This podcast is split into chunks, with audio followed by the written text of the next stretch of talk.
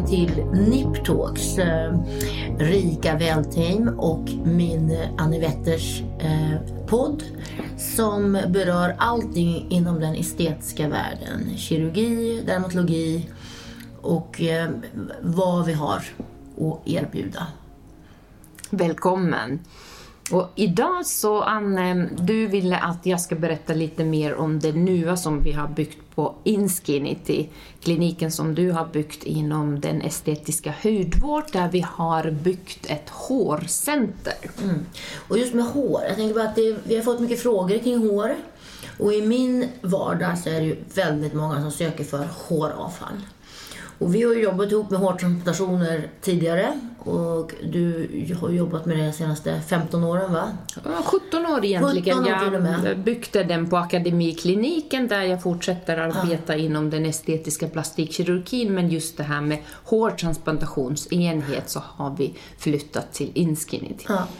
Och hårtransplantation är ju fantastiskt, det är ju verkligen, där blir det ju resultat. Så jag tänkte du skulle få berätta lite eh, om just hårtransplantation. Hur går det till när patienter kommer? Nej men hårtransplantation är ju, vi kan gå, vi kan prata om egentligen det här hur länge som helst, men låt oss koncentrera på själva transplantationen och sen får ni gärna kommentera på vår eh, Instagram, Niptalks, eh, vad annat önskar ni höra och veta. Eh, men i alla fall hårtransplantationstekniker har utvecklats sista 20 år Ehm, enormt eh, och det gör ju att egentligen den absolut bästa och häftigaste med de tekniker som används idag är att vi kan få, när man gör det rätt, helt naturliga resultat. Och det är det som de flesta tycker är viktigt, för i vissa fall så ser man eh, någonting som är gjort lite annorlunda och då ser man konstig ut. Man kanske har en rak, konstig hårlinje eller någonting som inte är så estetiskt. Eh, utan när vi gör det rätt, när vi gör rätt planering så får vi naturliga resultat. Så det tycker jag är nummer ett och det är också mitt mål som plastikkirurg att enbart generera någonting som ser estetiskt naturligt bra ut. Och när man börjar tänka på hårtransplantation så är det alltid viktigt att träffa sin plastikkirurg för bedömning, eh, där vi går igenom egentligen allt om det vanliga när läkare träffar sin patient. Eh, hur mår man, hur lever man? Eh, har man någon nikotin i kroppen, men framförallt hur tappar man hår, vad stör en? Och sen hur ser den, den genetiska familjebilden ut? För håravfall som går och hjälpas åt med hårtransplantation, det är så kallat genetiskt håravfall. Och där kan vi titta på den så kallade Norwood-schema. Och det kommer vi lägga på Niptalks Instagram där ni kan titta på det. Och då kan man ju oftast titta på hor, morbröder, morfar, pappa, farfar tappade hår. Och då kan man lite grann gissa vad kan vara mitt eh, väg framåt. Eller så är man redan kanske 50 år gammal och det blir mer uppenbart. Så här ser mitt håravfall ut. Och då gör vi den individuella planeringen vad kan vi göra? Vad kan vi inte göra? Vad måste man tänka? Både före och efter um, sin transplantation. Mm. Och det är väl det som är viktigt, det vet jag när vi, när vi har jobbat ihop uh, den här planeringen innan, att man måste se virvlar i håret till exempel, lägga de här hårsäckarna i rätt nivå, rätt riktning, så de inte liksom kommer bak och fram så att säga. Absolut. Upp och ner och framför allt då, som jag tycker alltid du gör så fantastiskt bra. att Du lägger en hårlinje så att den ser, den ska ju inte vara helt spikrak. Ja. För man sitter på, man ser ju en hel del de här turkiska, de är ju duktiga på att göra det här i Turkiet. Och det har varit svenska män och kvinnor som har vallfärdat dit och gjort eh, hårtransplantationer. Jag tycker det är väldigt utmärkande det här när man ser en duktig versus en dålig ja. kirurg. Just med hårlinjen, hur man får de här hårsäckarna att ligga på ett naturligt sätt. Ja. För det är ingen rak linje. Nej, men det brukar jag säga till alla våra kunder att egentligen är man lite fingerfärdig och orkar sitta många timmar, vilket det tar att utföra en hårtransplantation normalt fall, så kan man göra det, men att få det se naturligt ut, där finns hundra regler som man måste följa. Få dem i rätt riktning, få dem i rätt ordning, få dem i eh, rätt täthet och det är där vi är experter på Inskinity Horse Center och till alla de där detaljer så har vi en absolut högsta utbildning och erfarenhet. Mm. Sen finns andra saker som man måste tänka i att när det är ändå en operation och tekniskt när man jobbar med en yta med hårtransplantation så kan man aldrig täcka det området samma sätt som man kanske har det när man var 16-17 år gammal. Så vi måste, som egentligen innebär alla estetiska ingrepp och behandlingar, ha realistiska förväntningar. För har man det och är väl informerad så brukar de allra, allra flesta tycka att detta ger positiv livskvalitet. Mm. Och man ska också säga, har man gjort en sån här transplantation, först, man, det är ju en hel dag ofta som man behöver vara på plats. Och sen så det tar ju många timmar att göra det, är en väldigt lång operation. Och sen efter två, tre veckor, visst är det så att man då tappar de här första hårsäckarna? Oftast, oftast gör sig, kanske inom tre, fyra veckor så brukar man, det är viktigt också att veta att man kan då få lite hårstrån på sin kudde. Den, den hårsäcken som mår bra och sitter i huden och, och börjar läka in fast, eh, vilket är en process på ungefär två veckor, kan lite grann tröttna på den här hårstrån och spotta ut den och det är ingenting farligt utan det ingår i den här processen. Inte alltid men i vissa fall. Och sen successivt den här friska hårsäcken som har fått sin ny position, den börjar producera det här så kallade permanenta håret oftast efter cirka 6-8 veckor. Det tar så lång tid? Ja, mm. och då börjar det komma lite fjun. Ungefär efter ett halvår så kan vi oftast säga, om vi skulle vilja fotografera så kan vi se lite positiv effekt. Men hela processen är så lång som 12 till 14 månader, så cirka ett år behöver vi innan vi säger nu är denna transplantationsresultat framme. Och det är då vi tar en bedömning och kontroll och tittar på vart har vi kommit. Då brukar de flesta känna yes, det här var en, en positiv sak att göra. De flesta avvaktar då, ser vi vad som händer med det egna genetiska håravfallet, vilket tyvärr än så länge när vi inte har någon genteknologi tillgängligt är livslång. Så det gör ju att de flyttade hårsäckar ger livskvalitet livet ut. De sitter kvar, men det egna håret kan fortsätta tunna ut i alla fall. Och det kan göra att man successivt någon gång i livet bestämmer sig, jag vill göra mer. Och då träffas vi igen. Och det är rätt. Och sen är det ju mycket, vi gör ju även komplement till en hårtransplantation där man försöker stimulera ytterligare för att få extra bra resultat. Exakt. PRP finns det något som heter. Ja, och det, det är där vi eh, har byggt på Inskinity Horse Center just den här helheten, så att vi inte bara tittar på en sak utan vi tittar på helheten och då finns ju det här stimulansteknologi där vi kan försöka antingen för en ung kille som blir orolig och börjar känna nu händer någonting och titta på sin omgivning, pappa är lite tunnhårig, morbröderna är tunnhåriga, vad kommer hända med mig? att ha en bedömning och försöka bromsa.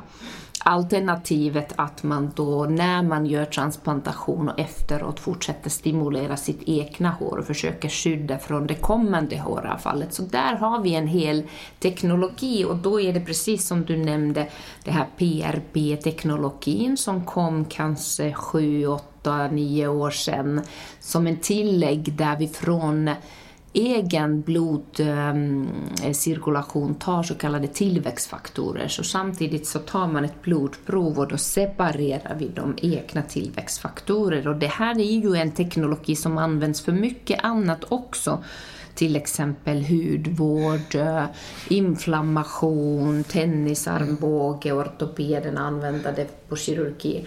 Så, och I hår kan vi använda det för att stimulera de här transplanterade mm. hårsäckar plus att vi kan försöka skydda från det kommande håravfallet. Och då gör man ett så kallat PRP-schema.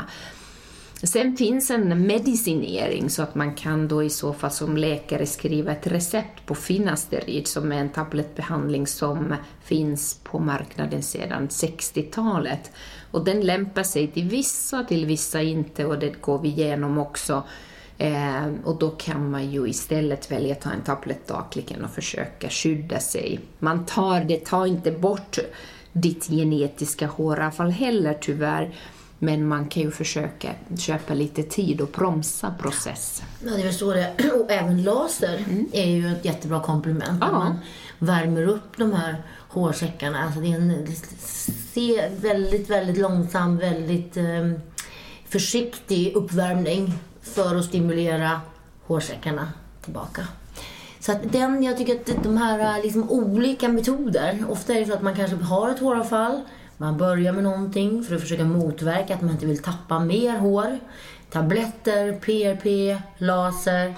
Men har man ett väldigt omfattande håravfall så, så är det ju många som faktiskt gör en hårtransplantation till slut. Exakt, så och sen det är en helhet. Med det är en helhet och det är det som eh, många blir väldigt nöjda och väldigt tacksamma att få tillbaka en eh, livskvalitet. För hår är väldigt betydelsefullt. Jag tror att det är mer betydelsefullt än man tänker. Det är först när man börjar bli tunnare i sitt mm. hår där man känner Gud, det här är inte jag. Nej. Gud vad det påverkar mitt livskvalitet och mitt utseende. Mm. Och det är då många får den här paniken. Eh, vad kan jag göra? Och idag finns ju väldigt mycket vi kan göra. Vi kan inte göra allt, men vi kan framförallt göra saker naturligt mm. som ger livskvalitet, tycker de flesta. Mm. Så det är det vi gör på Inskinity Hårcenter. Mm. Och sen finns det vissa hår eller hudsjukdomar, alopecia till exempel, där kan man ju inte transplantera hår däremot, utan man transplanterar hår där det är det här genetiska håravfallet. Exakt. Och nu pratar vi nästan bara om män, men även kvinnor är ju en stor grupp. Eh, kvinnor, egentligen hår. är ju så här att alla kvinnor och män, alla tappar hår successivt om man lever tillräckligt länge. Sen är det ju i vissa fall åldersbetingat, till exempel kvinnor har ju också genetiskt håravfall när man mm. tappar hår på oftast precis i mitten av ja, det är lite annan, det är annan, mer centralt så va? På och det är den så kallade Ludwig-schema och det kan vi lägga upp också mm. där på vår Niptalks Instagram.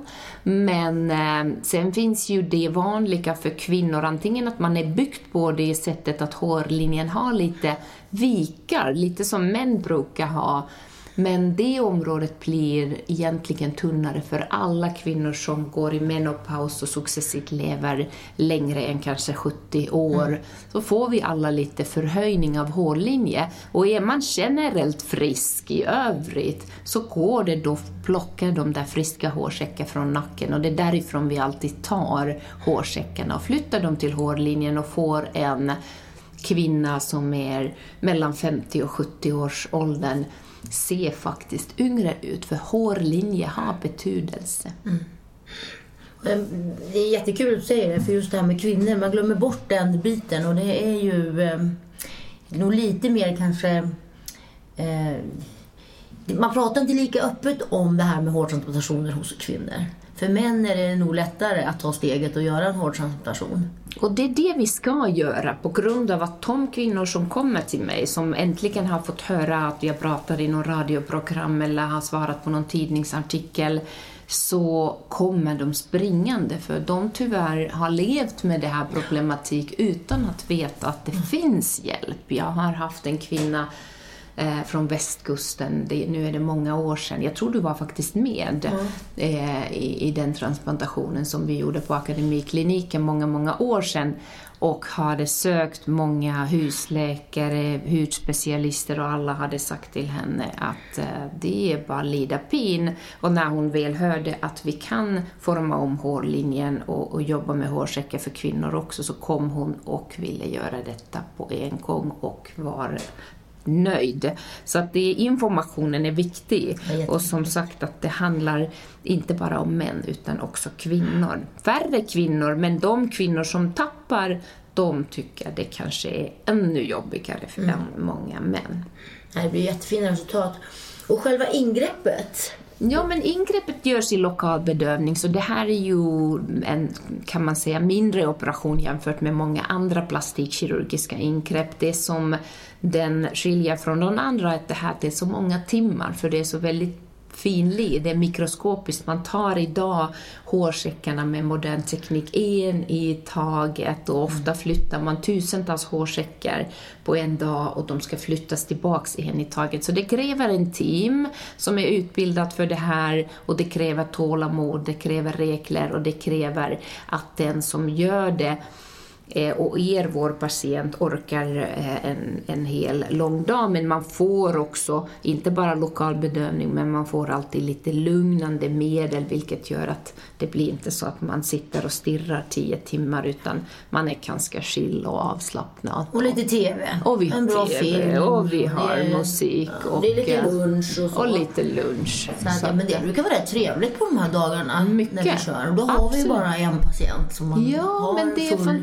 uppmärksamhet på en hel dag. Teamet är ju superviktigt för när alla kör i samma håll och eh, har den här erfarenheten så blir det som en liten dans. Vi älskar ju dessa dagar. Det är så kul. Så det är jättekul, det är som en liten surjunta. Och när man sen väl bestämmer sig för sin transplantation så ska man komma ihåg att man väljer, att man, att man tar två veckors eh, paus med alla fysiska aktiviteter. Det transplanterade området där hårsäckarna har flyttats till, till. Den får man inte kratta och röra och man får inte sätta på en mössa och man ska inte vara i kylan och på sommaren får man inte sitta i solen. Så det vi brukar prata om så kallat hårkarens två veckor och är man aktiv skidåkare eller älskar cykla så sätter man inte en tight hjälm den tredje veckan. Sen är man fri med alla aktiviteter och livet och sen är det bara att vänta. Mm. Det är ungefär tre veckor efter som man får vara Ja, lite då är man uppmärksam. helt fri. Mm. Ja. Och under den tiden då, precis, där man försiktig. Och sen fortsätter man då med, som vi brukar rekommendera, PRP. Ja, exakt, det är det bästa. Så får man lite kontroller och lite stimulans både för det flyttade håret och det egna håret som vi vill behålla så länge som möjligt så att vi har den, eh, det resultatet så många år som möjligt. Och det som ehm, är viktigt att veta att kontorsarbete självklart inga problem, man är hemma oftast, man vill inte se prickig och lite lättsvullen ut om,